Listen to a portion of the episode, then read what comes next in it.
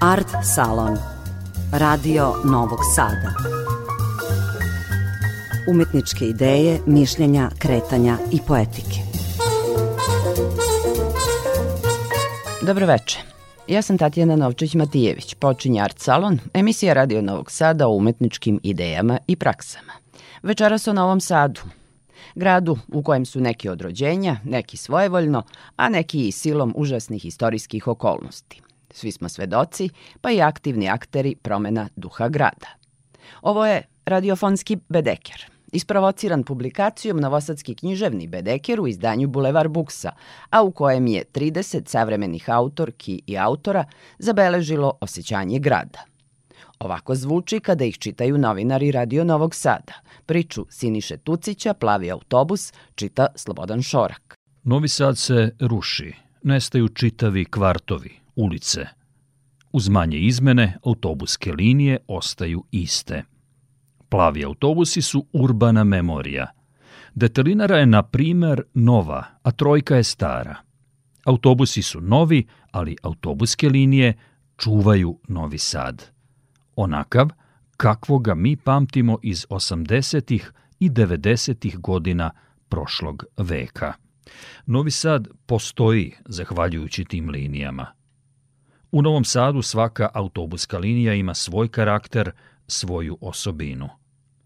Dvojka je velika linija koju pamtim iz detinstva jer je bila jedina veza sa gradom. Sećam se da su se nekada karte kupovale nazad. Prodavac karata imao ograđen pult kod zadnjih vrata i automat za cepanje karata. Danas to radi šofer.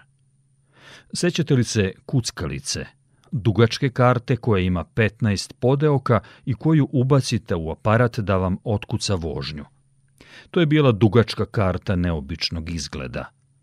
A onda, nekada su bila po tri sedišta napred izdvojena i okrenuta jedna prema drugima, valjda za trudnice i invalide. Trojka. Dvojka je nekada kružila oko satelita, tako da nije postojala posljednja stanica – Kad nam je dolazila u posetu, moja baba jednom nije znala gde treba da siđe, pa je ponovo otišla do centra. Vratila se u grad. Trojka je uvek bila neobična linija. Duga. Iz nekog buđaka na detelinari, pa rumenačkom pored sajma, stigne do centra, a onda nastavi do Petrovaradina. A sedmica, najživotnija linija koja spaja novo naselje, detelinaru, železničku stanicu, futošku pijacu, sve limane, telep i satelit.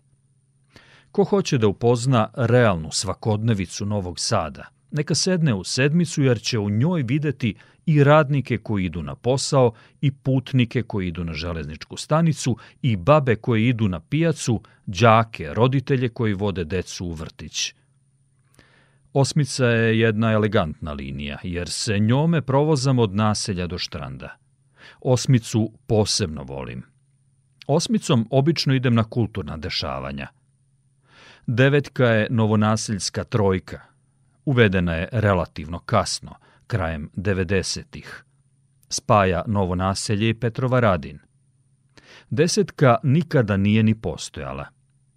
Jedanaestica, dugačka kao roman u dva toma, 11a i 11b.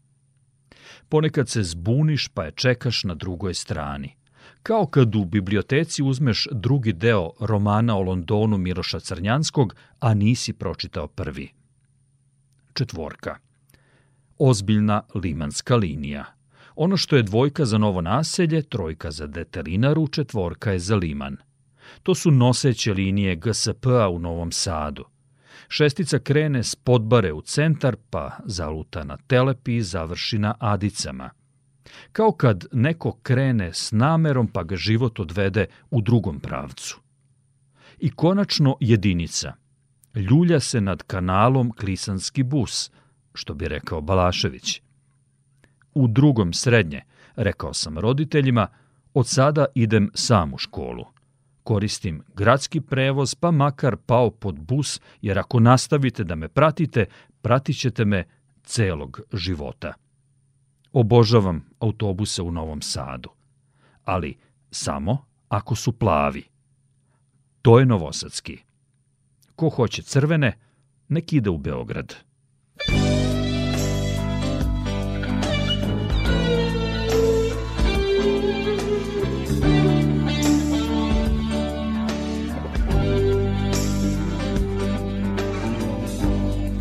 samoga jutra je počelo loše. Levom nogom je počeo dan. Vetar duva Ja bez nade Nemam ni snage za bilo šta. Sa druge strane Vidim da stojiš. Možda bi mogla da promeniš sve. Sigurno možeš Još samo da hoćeš. Topline u noći još ima za nas. Neko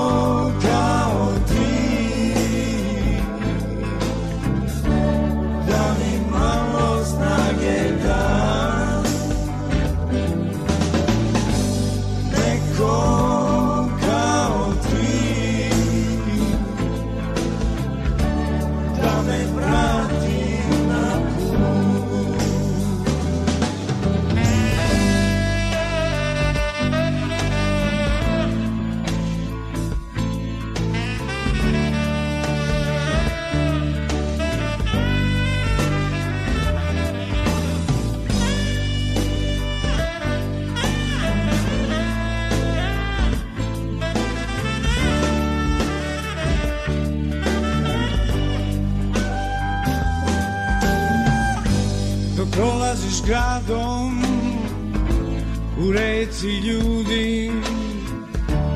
Da li se setiš čoveka od pre? Ljubavne priče Sa tužnim krajem I čežnja za danom Što možda će doći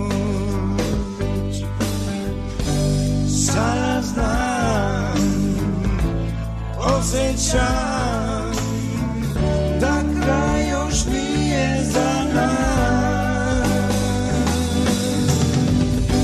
Znaci kažu, oni ne lažu, topline u noći još ima za nas.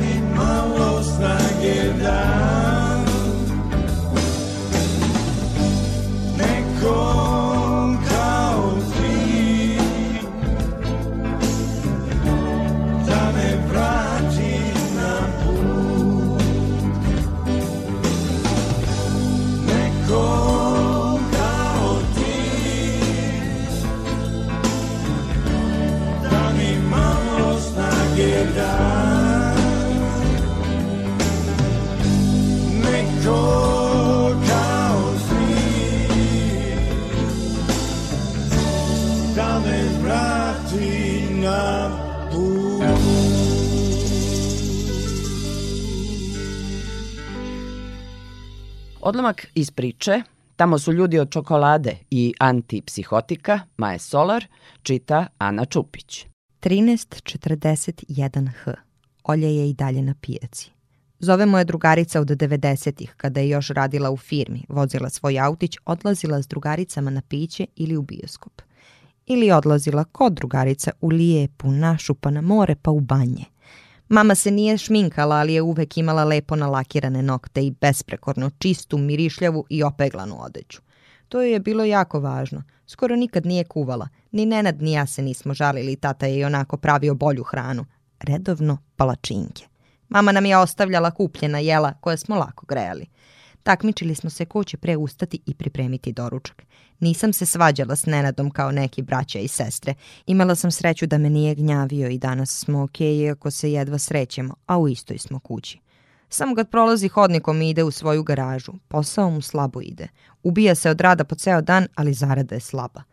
Uvek smo se dobro slagali, možda baš zato što mama skoro nikada nije bila tu. Nama je bilo cool. Onda je 90-ih krenula ta priča s privatizacijom. Firma se jedva držala i mama je počela češće da dobija plaćena odsustva. Mi smo se zajebavali s tim drugarice mama jer je bila jedna od redkih koja bi se nadrandala čim neko počne da pljuje Jugoslaviju i Tita.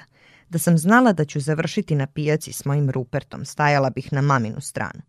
Ovaj mi često kao poklanja feferonu, iako sve uvek meri tako da ne vidim vagu, ko da ne znam te fore – Onda je mama ostala bez posla i bez para da vozi svoj auto. Kasnije smo ga prodali, danima nije pričala s nama pa flipnula i izašla u spavačići na kišu.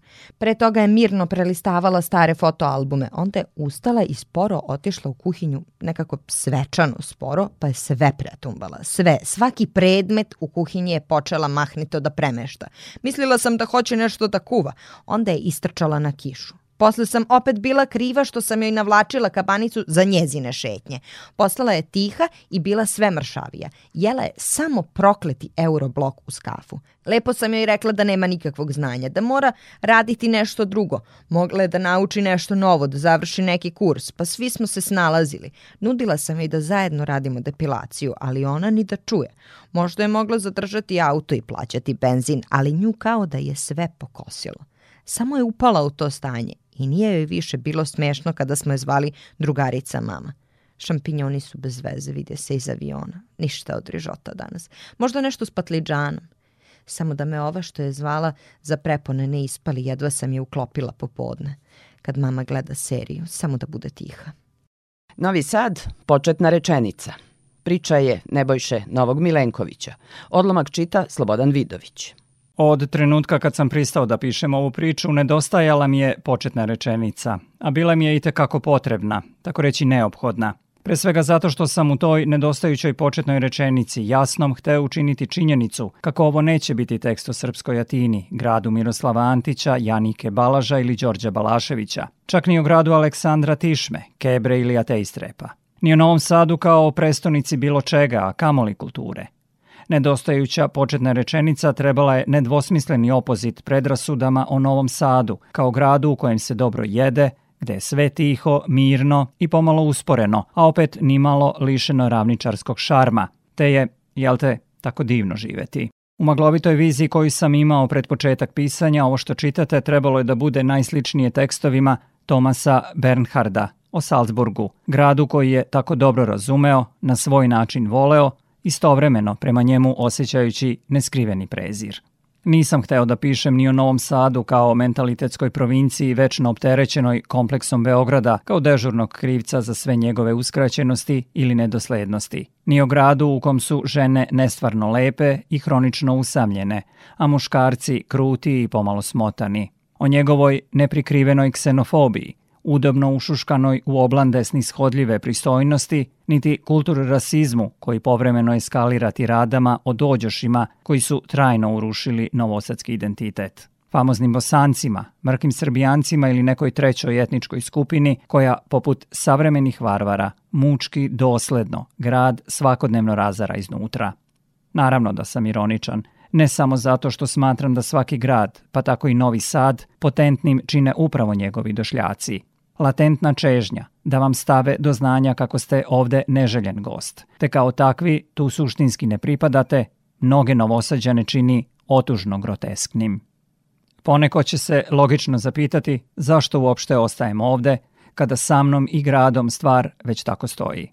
Odgovor na nepostavljeno pitanje svakako je u činjenici da licemerne gradove nikad ne otkrivamo na usputnim proputovanjima, već isključivo onda kada jedan grad toliko dobro poznajemo da više nismo sposobni, čak ni da se setimo kako smo ikad živeli na nekom drugom mestu.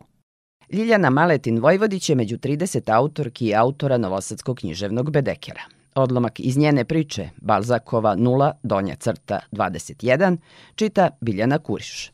Kriviš sebe jer nisi videla da roditelji obolevaju i stare. Da vegetiraju na infuziji prošlosti, gube tlo pod sobom. Nije te bilo briga što je nestala jedna zemlja, pa druga, čijeg se imena i ne sećaš. Nisu te plašili inflacija, beda, špekulanti, ratni profiteri, novokomponovani bogataši, dileri deviza. Nije te brinula budućnost, ni prostaštvo od kojeg su se sakrili pristojni ljudi. Nisi žalila što je sa asfalta nestalo hvala i izvini. Ono o čemu nisi želela da misliš vratilo se kao bumerang. Kad si prihvatila šta se desilo, izgubila si se u masi. Nisi umela da se suprotstaviš. Počela si da bežiš, putuješ i da pišeš. Pišeš, mada to niko od tebe ne traži. Pišeš u knjižari, u biblioteci, u kafiću, na aerodromu, u avionu, u hodu, usput. Pišeš teško, pišeš s mukom. Zaboravljaš šta treba da napišeš. Ne možeš da pišeš kod kuće, putuješ i pišeš. Od nomadizma si stvorila imperativ podstičeš fantazme o dalekom, čezneš da uruniš u strano, želiš da te povezuju sa severom. Svesna si da egzil nije savršen recept za život.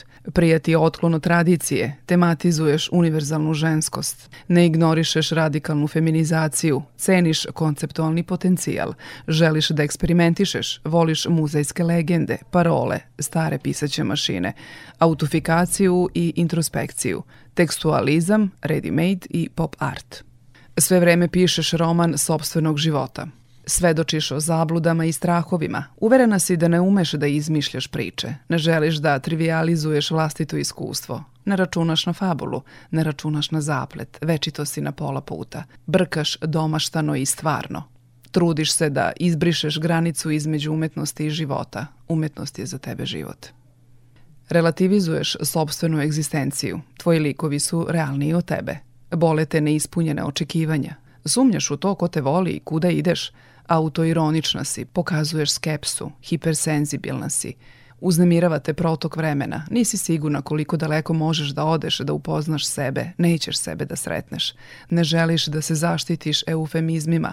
Književnica si na privremenom radu u književnosti. Gastarbajter u rodnom gradu, u vlastitom životu – Sasvim je sigurno da nećeš postati majka i da ćeš umreti sama i nesrećna. Mada to nisi izgovorila ti. To je umesto tebe napisala Tracy Emin. Nisi rodila junaka. Tvoj prilog istoriji je ništavan. Pesmu Vitamirke Trebovac o mostovima ponovo čita Isidora Bobić jer most je sad beo nad vodom, a kad su ga rušili tata je ušao u sobu i stavio mi ruku na obraz, ali ja sam se probudila i pre svega toga i njegovih reči srušili su most. Mi uvek idemo mostom jer smo s druge strane.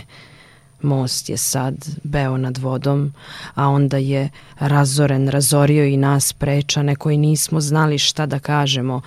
Sedeli smo na krevetu i ćuteći plakali, Ceo jedan svet je srušen, snažno smo to osjećali. Jer mostovima sad hodaju i s mosta ponovo skaču nesrećni u reku ispod. Onda smo se vozili s kelom svaki dan i ja sam se jednom onesvestila i zamalo upala u mutni Dunav koji je još bio plav u mojoj mladoj glavi. Već sam pričala o tome. Čovek što vozi skelu uhvatio me je u zadnji čas i rekao moraš da doručkuješ pre skele, ali ja tad uopšte nisam jela, nisam bila mirna i bila sam zaljubljena u život, zato sam išla skelom svaki dan. Most je sad beo nad vodom i tamo vamo prelaze umorni ljudi obale deluju spojene, ali gde su pali mostovi, tu su klimavi stubovi. Malo iznad lukova presečeno zimsko sunce oslanja se na planinu iza, Kad prolazi voz, trese nam pod nogama i mi gledamo daleko, bez velike čežnje, sve ono što odlazi od nas. Najčešće ptice i brodove gledamo bez čežnje. Mi što živimo ovde, spremni smo na sve. I za kraj, radiofonsko-književnog bedekera kroz Novi Sad, pesma Branislava Živanovića Bilo je potrebno otići, čita Igor Bojanović. Pozdravljam te, nedostižni grade, rođen da traješ dok mi izmičeš. Svaki put kada bih pokušao da opišem naše sugrađane uhvaćene iza šofer šajbne tokom hidrauličnih pejzaža, kružnim proticanjem robnih petlji, trgovima i tržnim centrima, počinjem s tvojim krovovima, ulicama i bulevarima. Ličnoj karti Panonske nizije. Hodanje me odveden iz Dunav, gde alasi bacaju udice, a brodovi podlače stihove, pesme pisane prolaznom tintom. Pozdravljam te, utihnuli grade, kroz noge sve tri replike mosta, meseci teku na kičmi reke, krvotok u sebi nosi bore, iskustava, obrise, mirise, taloge zbivanja i godina, relikvijski šut kasetnih bombi, leševima dubljeno korito, pogled dodiruje siv nabor, kože što oplakuje obale dok se međusobno dozivaju, prevode na jezike ravnice sa časovnicima u kulama koji tiho udaraju vreme pod oporom aromom decembra. Pozdravljam te, Avetinski grade. Ne viđam te više tako često. Nekako si malaksao i bled, kao nečije sećanje na grad, ranjen rikom bagera i krampa, što udara po duploj nadnici od goropadnih investicija, me sečariš rogopatnim parkom, nagrižen dentalnom havarijom, implanti sumnjivog kvaliteta, očnjaci na vratu secesije, skele za paravane od jute, izdužuju tvrdi simulakrum, bilbordima zaklanjaju vidik prestonice evropskih vrednosti. Pozdravljam te prekomerni grade, ne poznajem više ove ljude. Još se menjaš, narastaš, širiš se. U betonskim saksijama niče stan sa pretplaćenim kvadratima, otpora na niske decibele. Nije li to ta nova sadnica gde tinjaju starosedeoci naselja, gde bujale su skromne kuće, SFRJ odrastanja, kapije s lavežom i dvorištem, dvorišta što imala su bašte, s loptom pod junskim kajsijama i domaćinom u kafani kod Lutrije, pilota, jugodrva. Pozdravljam te, otuđeni grade. Živimo na račun toponima, nečeg davnog i neponovljivog.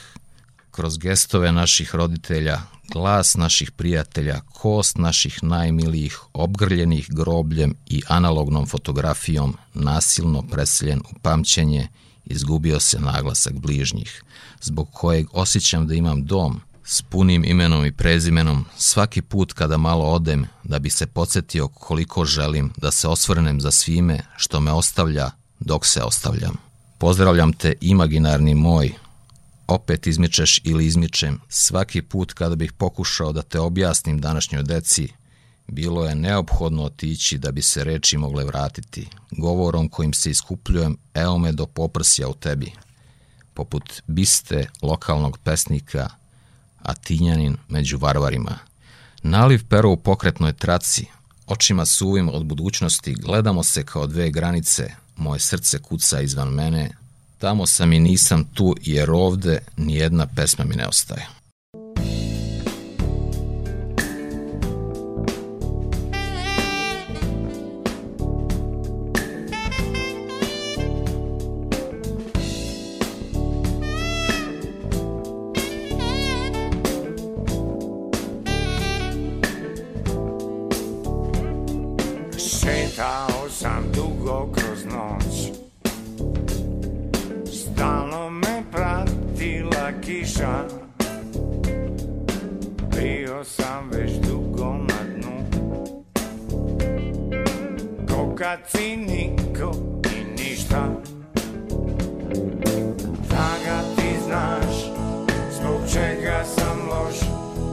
I'm wrong.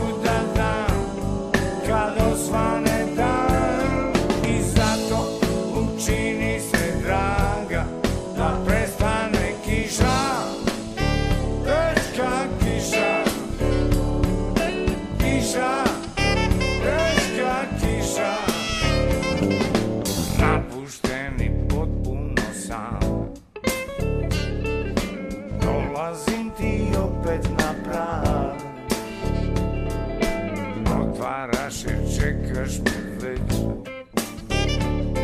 Ja osjećam se bolje i bolje. Draga ti znaš Zbog čega sam loš. Šta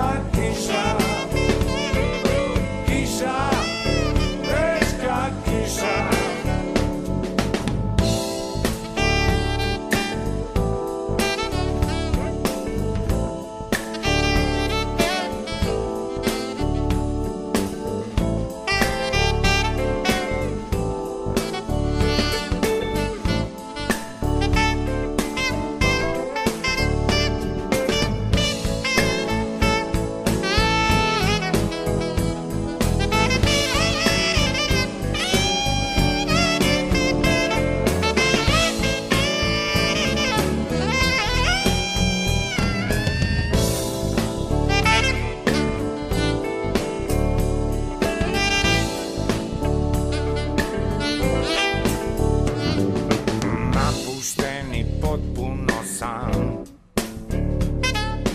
Dolazim ti opet na prag. Otvaraš je, čekaš me već. Ja osjećam se bolje i bolje. Draga ti znaš Zbog čega sam loš. Šta mogu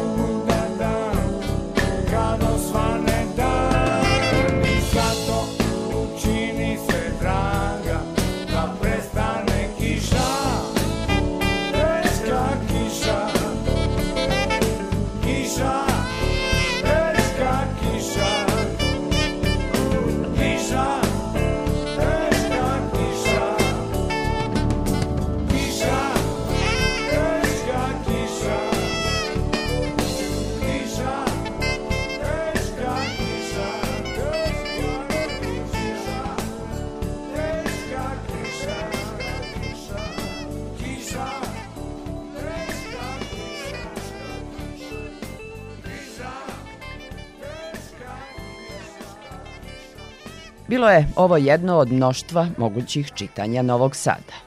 Laku noć i dobre snove želi vam Tatjana Novčić-Matijević narednog utorka nove priče o umetničkim idejama i praksama.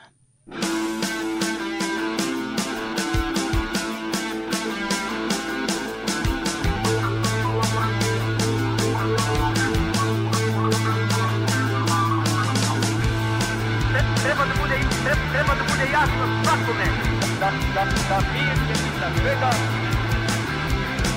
Za Petru Bukora, Petru Bukora.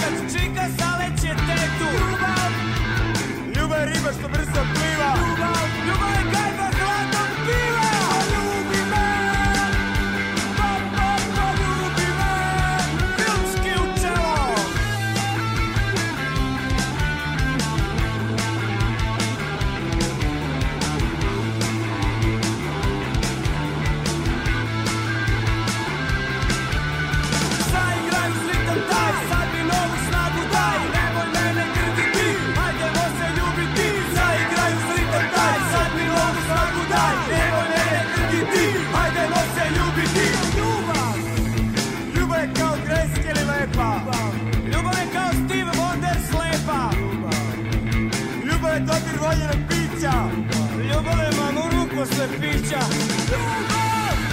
Ljubav je sve što dobar rit Ljubav je igla, droga i špric Ljubav! Ljubav je putovanje kroz dimenzije Ljubav!